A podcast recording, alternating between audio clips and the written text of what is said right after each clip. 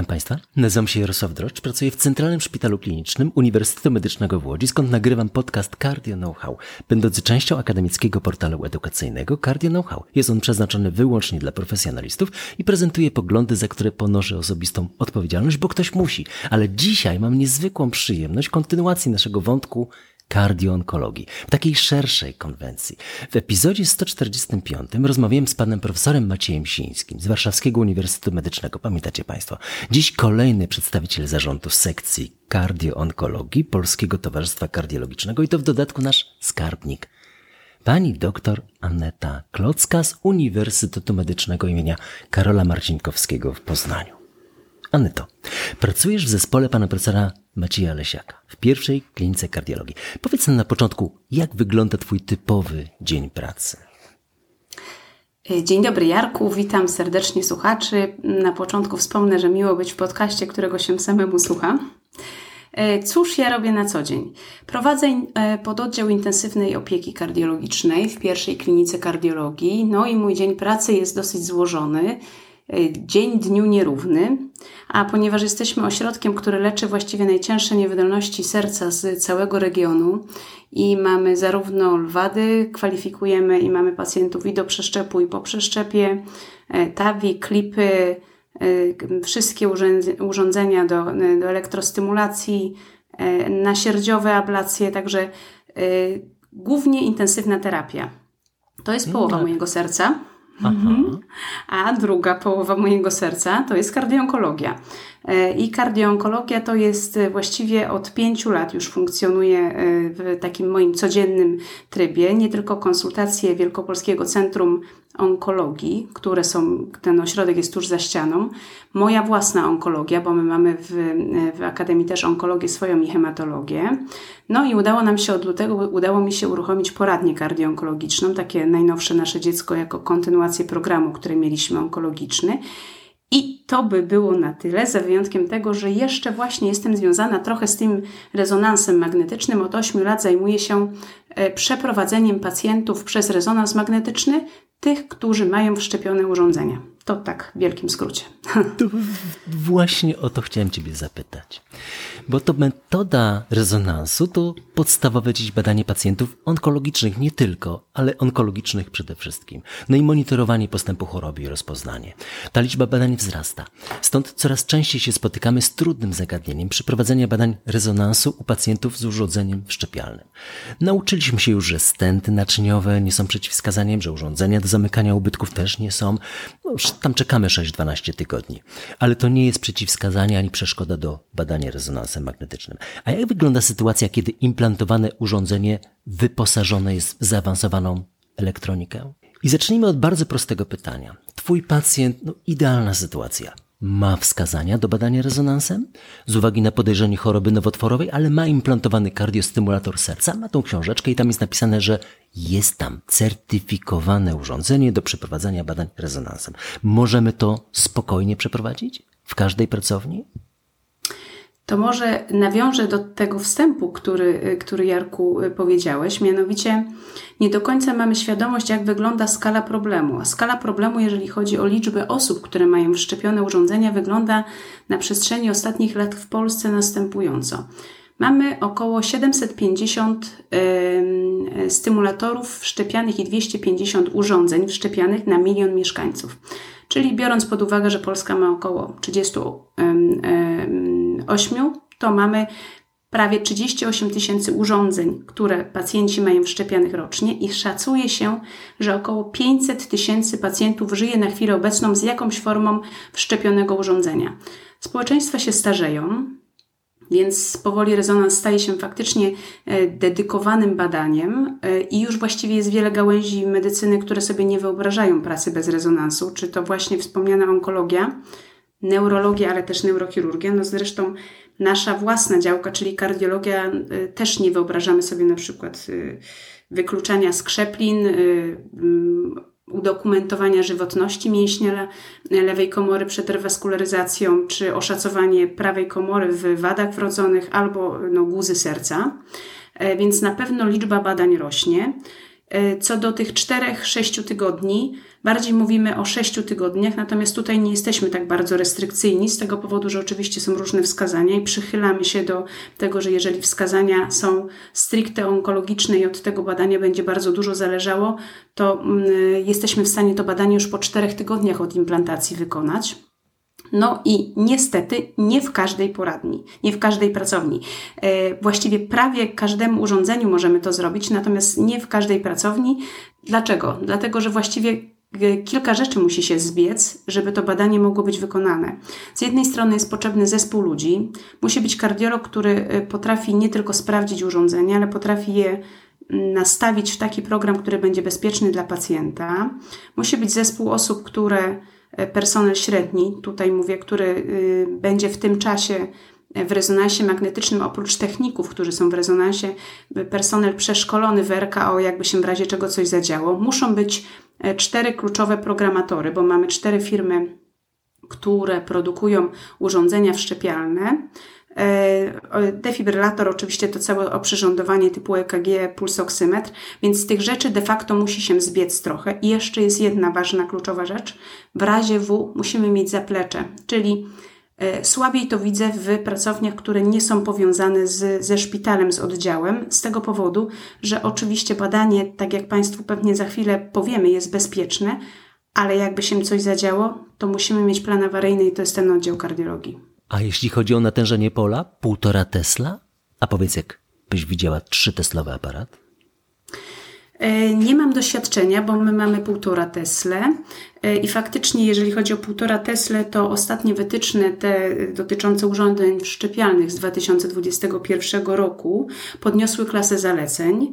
I jeżeli mówimy o urządzeniach, które są niekompatybilne, to to już jest klasa 2A, a urządzenia, które są przez producentów przeznaczone do badań w rezonansie, są już w klasie pierwszej i to z bardzo wysokim poziomem dowodów, bo klasa A.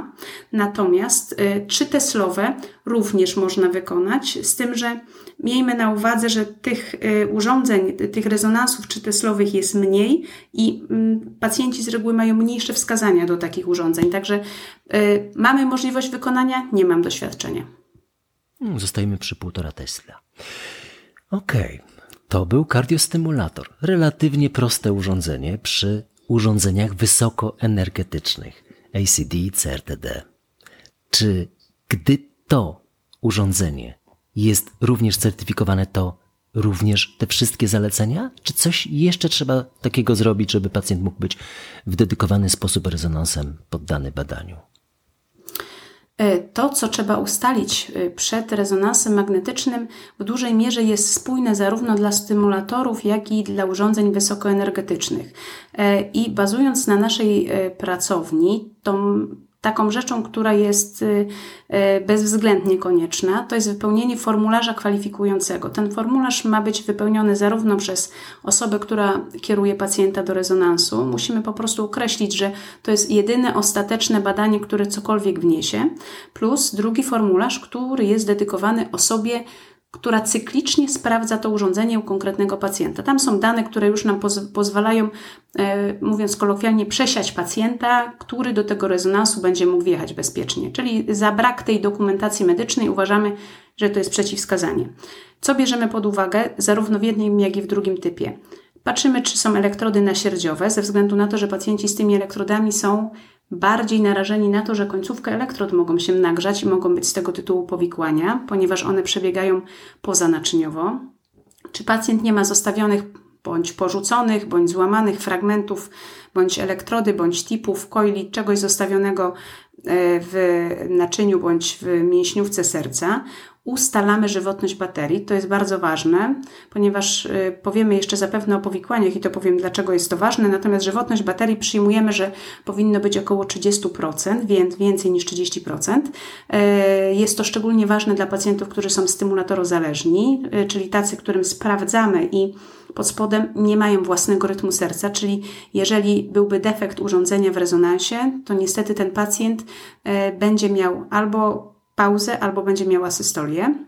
W przypadku urządzenia, które jest urządzeniem wysokoenergetycznym, istotnym jest sprawdzenie, czy pacjent w ostatnim czasie nie miał terapii e, z powodu e, często skurczu komorowego bądź migotania komór, bo pamiętajmy, że co robimy w wysokoenergetycznych urządzeniach? Wyłączamy detekcję. W związku z tym pacjent, jeżeli wjedzie do rury i będzie sytuacja taka, że będzie miał arytmię komorową, to urządzenie nie zadziała. Wyjątkiem od tej sytuacji, mamy oczywiście wyjątki, są pacjenci, którzy mają, e, mają arytmię komorową i mieli ją w ostatnim czasie, natomiast wskazaniem do wykonania rezonansu magnetycznego jest określenie dla elektrofizjologów e, miejsca położenia blizny. Oni czasami się posiłkują tym, żeby zobaczyć, gdzie oni będą mieli ablować. To oczywiście wyłączamy detekcję i w pogotowiu jesteśmy, e, czy możemy to badanie wykonać, czy nie. I teraz to, które jest wysokoenergetyczne i jest certyfikowane, to jest taka dosyć, bym powiedziała, uproszczona, uproszczona dla nas sytuacja, yy, ponieważ to urządzenie ma dedykowany program. Ten dedykowany program polega na tym, że tam jest napisane MRI, możemy wcisnąć to MRI i to nas po kolei poprowadzi, wyłączamy detekcję. Jeżeli pacjent nie, miał, e, nie jest zależny, nie ma e, wysokiego odsetka stymulacji, nie musimy przestawiać trybu asynchronicznego, E, jeżeli ma odsetek stymulacji większy, to przestawiamy w tryb asynchroniczny, czyli stymulujemy na sztywno przedsionek z komorą, albo w przypadku migotania przedsionków samą komorę, albo samą komorę też u pacjentów, którzy mają ICD VVI, czyli jednojamowe. I urządzenie nas zapyta, na jak długo chcemy ten tryb y, mieć. Tam jest podpowiedź, że 3 godziny, oczywiście tyle nie będzie nam potrzebne. Po rezonansie takie urządzenie sprawdzamy. Zlogowanie się z takim urządzeniem jest równoznaczne z tym, że ono się zapyta, czy przerwać tryb MRI i później sprawdzamy i to właściwie jest koniec. Jeżeli mówimy o wysokoenergetycznych i mm, o tych kompatybilnych. Mm, pięknie to wyjaśniłaś. A jaki rząd wielkości jest teraz odsetek tych certyfikowanych urządzeń do rezonansu w Twojej okolicy? Właściwie wszystkie nowe są już urządzeniami, które są certyfikowanymi. Natomiast pamiętajmy, że urządzenie, które jest kompatybilne z rezonansem, to jest urządzenie, gdzie cały układ jest kompatybilny od jednego producenta. Więc mogą się zdarzyć pacjenci, którzy mają jednego producenta elektrody i ponieważ mieli urządzenie wszczepiane powiedzmy 10 lat wstecz albo 5 lat wstecz i ono jest już kompatybilne, elektrody ma również, natomiast ma wymieniany generator i generator dostaje innego producenta, to pomimo, że, jest, że e, urządzenie jest kompatybilne, to powinno być od tego samego producenta.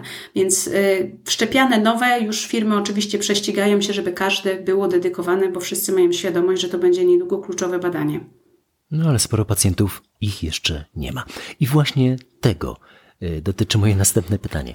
Jest ten kardiostymulator, a ty wiesz, że on nie jest certyfikowany do rezonansu magnetycznego. Co teraz? Tutaj mamy troszkę bardziej skomplikowaną sytuację, ponieważ będziemy musieli zadziałać, tak mówiąc kolokwialnie, trochę na piechotę. Mm, I teraz to na piechotę to znaczy, że to urządzenie nie będzie miało programu, który będzie dedykowany dla MRI, czyli wszystkie te czynności, które poprzednio prowadziła nas maszyna, będziemy musieli wykonać sami i jeszcze dwa razy sprawdzić, czy na pewno wyłączyliśmy e, pewne z funkcji. Więc sprawdzamy odsetek stymulacji. Jeżeli jeżeli mówimy o stymulatorze, sprawdzamy odsetek stymulacji. Jeżeli pacjent ma duży odsetek stymulacji przedsionkowej albo duży odsetek stymulacji komorowej, to wiadomo, że tego pacjenta nie możemy zostawić e, bez trybu asynchronicznego, czyli bez sztywnej stymulacji przedsionka albo przedsionka i komory albo komory, ze względu na to, że on będzie miał albo bradykardię, albo będzie miał pauzy. Czyli nastawiamy tryb e, VOO albo DOO, dajemy większą częstotliwość, jeżeli chodzi o basic rate, czyli jak pacjent miał 60, to nastawiamy z reguły 70 ten podstawowy rytm. Natomiast tu jest pewien haczyk z tego powodu, że tryb asynchroniczny, co to znaczy? To znaczy, że ten stymulator będzie na ślepo dostarczał impulsy i tam, gdzie popadnie ten impuls, tam będzie próbował wystymulować, czyli raz popadnie w linię pomiędzy RR, raz będzie to w P, raz będzie to w QRS-ie, a raz będzie to w strefie ranliwej, e, która może wygenerować nam niestety R na T i może spowodować torsat de albo może wywołać migotanie komór. Więc jeżeli pacjent ma własny rytm serca, e, i ten stymulator włącza się rzadko, czyli takie V-paste, wystymulowanie e, komory jest niskie, lepiej zostawić takiego pacjenta bez przestawiania urządzenia, ponieważ przestawione urządzenie będzie się trochę kłóciło, czyli będzie gdzieś tam podawało impulsy w własnym rytmie. A jeżeli jest duży odsetek stymulacji, wtedy przestawiamy w tryb asynchroniczny.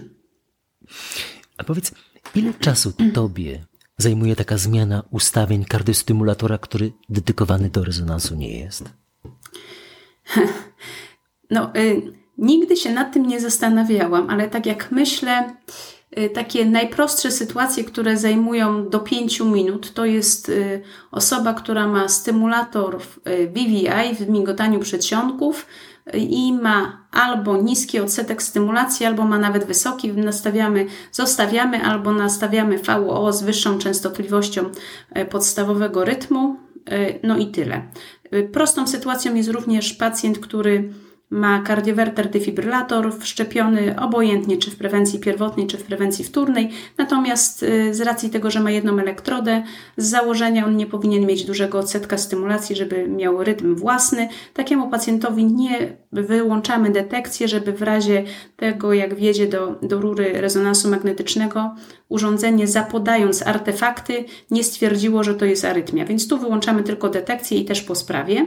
Natomiast y, trochę więcej zabawy wymaga kwestia urządzeń wieloelektrodowych bądź y, kwestia pacjentów, którzy mają nastawione urządzenia, już są te urządzenia, że tak powiem, dopieszczone przez ich lekarzy i mają niestandardowe nastawy, czyli na przykład takie CRTD, kardiowerter defibrylator z funkcją resynchronizującą, gdzie mamy elektrodę w prawej komorze, w prawym e, przedsionku i mamy elektrodę lewokomorową. Tutaj trzeba e, tak trochę e, jak działania matematyczne wykonywać, z tego powodu, że on nas do pewnych działań po prostu nie przepuści, jeżeli poprzedniego kroku nie zrobimy, czyli żeby nastawić tryb asynchroniczny u kogoś, kto ma CRTD i ma odsetek stymulacji dwukomorowej taki, jakbyśmy sobie życzyli, 99-100%, to musimy najpierw wyłączyć detekcję, ponieważ w przypadku włączonej detekcji urządzenie nie pozwoli nam przejść w tryb asynchroniczny. Po drodze jeszcze pozostają kwestie AV musimy wyłączyć monitorowanie, ponieważ jeżeli będzie e, monitorowanie, on z reguły też nam nie pozwoli e, przejść w tryb asynchroniczny. Mm, oczywiście sprawdzamy tutaj, jak, jak wygląda kwestia żywotności baterii, bo nastawiając w tryb asynchroniczny z dużo e, większą energią on się będzie szybciej zużywał. Także tutaj jest troszkę więcej zabawy.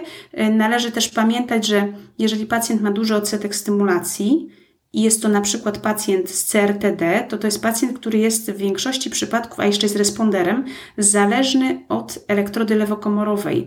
Przestawiając w tryb asynchroniczny takiego pacjenta, mamy stymulację DOO. Stymulacja jest przedsionek prawy, komora prawa, nie ma elektrody lewokomorowej.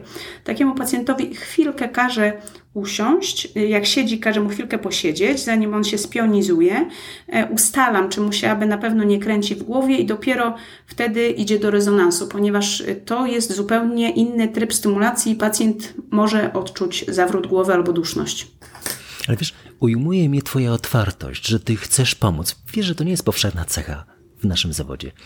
E, wiesz, powiedz, któremu pacjentowi Ty powiesz, że z urządzeniem jego nie można mieć rezonansu magnetycznego. Czy są tacy pacjenci? E, to jest trudne pytanie. E, trudne pytanie, dlatego że to jest e, troszeczkę powiązane ze wskazaniami do rezonansu. Właściwie całą tą rozmowę próbuję Państwa przekonać do czegoś, co powinni wszyscy wiedzieć, nie tylko pacjenci, ale też lekarze powinni wiedzieć, że wykonywanie pacjentowi z urządzeniem szczepialnym rezonansu jest jak najbardziej możliwe i że to badanie nie powinno być, ten pacjent nie powinien być tego badania pozbawiony, zwłaszcza w kontekście onkologicznym. Są oczywiście takie, takie wskazania, które jak dla mnie trzeba stanąć na rzęsach i to badanie trzeba wykonać. I to jest onkologia, neurologia, neurochirurgia, ale e, pamiętajmy, że na drugiej szali tej całej sytuacji jest jednak kwestia powikłań. Jest ich bardzo mało, ale mogą się zdarzyć i pamiętajmy, że ten mały odsetek powikłań może być bardzo siermiężny w skutkach, ponieważ może dojść do różnych zakłóceń, które spowodują, że no pacjent zemdleje albo będzie miał migotanie komór, albo się coś złego zadzieje. W związku z tym te ankiety, które wypełniają lekarze kwalifikujący pacjenta do badania, to, to są y, ankiety, które mają troszeczkę spowodować, że ten lekarz się zastanowi i załóżmy, oczywiście nie, nie zabierając nikomu możliwości wykonania badania, jeżeli miałabym starszą osobę, lat 80, która ma y, stymulator, E, powiedzmy dwujamowy. Jest, jest to wszczepione z powodu bloku trzeciego stopnia, nie napadowego, tylko utrwalonego. Jest 100% stymulacji i byłoby skierowanie na rezonans kolana albo rezonans e, odcinka kręgosłupa, gdzie z bardzo dużym prawdopodobieństwem graniczącym z pewnością badanie nic nie wniesie do całości, oprócz tego, że lekarz się przekona, co tam jest, ten pacjent nie zostanie zakwalifikowany do operacji no to tutaj jednak y, szala, co możemy uzyskać w stosunku do tego, co może się zadziać, jest nieporównywalna. Tu nie mówimy o y, młodszej osobie, która ma guza w głowie y, i której ten zakres tego, co jest w ośrodkowym układzie nerwowym, jest kluczowy do tego, jak będzie wyglądał charakter operacji. Tak, ta pierwsza. No a jeszcze to, to jeszcze, przepraszam, jeszcze tobie przerwę, bo jeszcze o jednej sytuacji pomyślałam, o której często kardiolodzy nie myślą. Mianowicie pamiętajmy, że generator w okolicy klatki piersiowej to jest generator, który powoduje zakłócenia obrazowania. Jest dużo, wskaz- jest dużo skierowań e, do rezonansu magnetycznego e, z pacjentów, którzy mają wszczepione urządzenie i wskazaniem jest na przykład ocena żywotności w obrębie ściany przedniej lewej komory. No, yy, Pamiętajmy, że to urządzenie spowoduje takie zakłócenia, jeżeli chodzi o kręgosłup szyjny, często kręg, część piersiowego, okolice barku i w tym okolice serca, że my tej okolicy po prostu nie zobaczymy. E, więc tutaj pewnie raczej trzeba byłoby się posiłkować na e, echo z dobu albo na jakimśkolwiek innym badaniu, bo tutaj po prostu artefakty utrudnią ocenę. Tak, to bardzo ważne, co mówisz. A powiedz, przez te 8 lat, jak jesteś aktywna na tym obszarze, w tym obszarze, jaki odsetek, ilu, ilu mniej więcej pacjentów miałaś, którzy ten stymulator mieli albo y, kompletnie rozregulowany, albo do wymiany, y, kiedy zdarzyły ci się powikłania po badaniu rezonansem? E, tych powikłań nie było dużo, to tak może na palcach jednej, może półtora ręki mogę policzyć. E, ale no takie powikłania Pamiętam takie powikłania, które, które były groźne. Mianowicie pamiętam pacjenta, który miał wątpliwe wskazania do tego, żeby mu ten rezonans zrobić, ponieważ miał i to się zemściło, bo oczywiście pamiętajmy, jak to w medycynie, jak są wątpliwe wskazania do koronarografii, to ten pacjent będzie miał zapewne powikłanie. Tak. Jak są wątpliwe wskazania do rezonansu, to ten pacjent też miał powikłanie. Miał frakcji 15, e, więc już e, od lat opisywane 15 Badanie było w celu oceny żywotności mięśnia, e, więc w zamyśle ktoś pewnie myślał o jakiejś rewaskularyzacji, e, która pewnie temu pacjentowi nie za wiele by pomogła. Pacjent miał wszczepione CRTD, czyli miał elektrodę prawa komora, lewa komora, czy, czy lewa to bym powiedziała jest trochę eufemizm z mojej strony, chodzi o zatokę wieńcową oczywiście i miał prawy przedsionek. I tutaj musiałam, oprócz wyłączenia detekcji, musiałam temu pacjentowi przedstawić w tryb DOO, czyli e, była stymulacja prawa komora i ta zatoka wieńcowa, czyli tak zwana lewa komora. No i pacjent, niby wszystko dobrze, pacjent posiedział 2-3 minuty w tym trybie DOO, zabrałam mu zatem stymulację lewokomorową i pacjent się zdekompensował. Po 5 minutach zrobiło mu się tak słabo, miał silne zawroty głowy, e, nie był w stanie wstać. Także badanie się nie odbyło. E, myślę, że rzadko się spotyka aż taką reakcję na to, że pacjent jest aż tak zależny od CRTD, ale tutaj tak było. Pamiętam też pacjentkę, to było w trakcie, e, w trakcie radioterapii, po radioterapii przyjechała pacjentka do skontrolowania urządzenia i urządzenie przeszło w tryb awaryjny. E, pacjentka miała stymulator DDD, przeszło w VOO, z największą możliwą energią stymulowało. Skończyło się to wgrywaniem oprogramowania przez firmę u tej pacjentki, a zdarzają się też sytuacje, które są mniej groźne, ale mogłyby być groźne. Te mniej groźne to znaczy, że jest wyłączona terapia wysokoenergetyczna i widać, że pacjent po rezonansie kontrolowany, urządzenie, rezonans magnetyczny spowodował takie artefakty, że urządzenie to odebrało jako migotanie komór. I gdyby nie to, że urządzenie miało wyłączoną terapię wysokoenergetyczną, to pacjent doświadczyłby, będąc w rurze rezonansu magnetycznego, wyładowania z kardiowertera. E, a mamy to zapisane po prostu, że była rozpoznana, ale nie była dostarczona terapia. E, także to z takich, co pamiętam. Ale wiesz, yy, popatrz, 8 lat i pojedyncze przypadki przy respektowaniu tych bardzo precyzyjnych zasad, które nam omówiłaś. Ale to wiesz, że nie przyznawałem ci się przed tą rozmową, ale Państwu też nie, ale elektroterapia to, to moja pięta Achillesowa. Nigdy się tego już nie nauczę.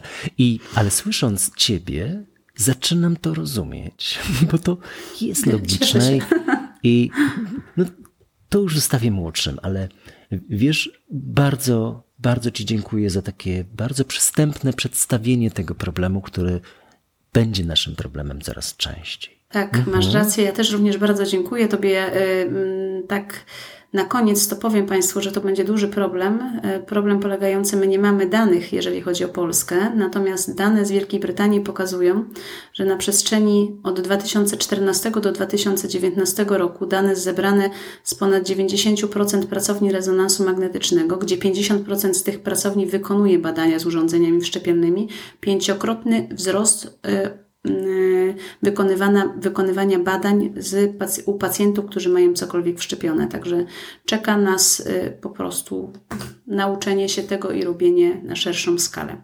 Dziękuję również Tobie bardzo i słuchaczom również. Jasne.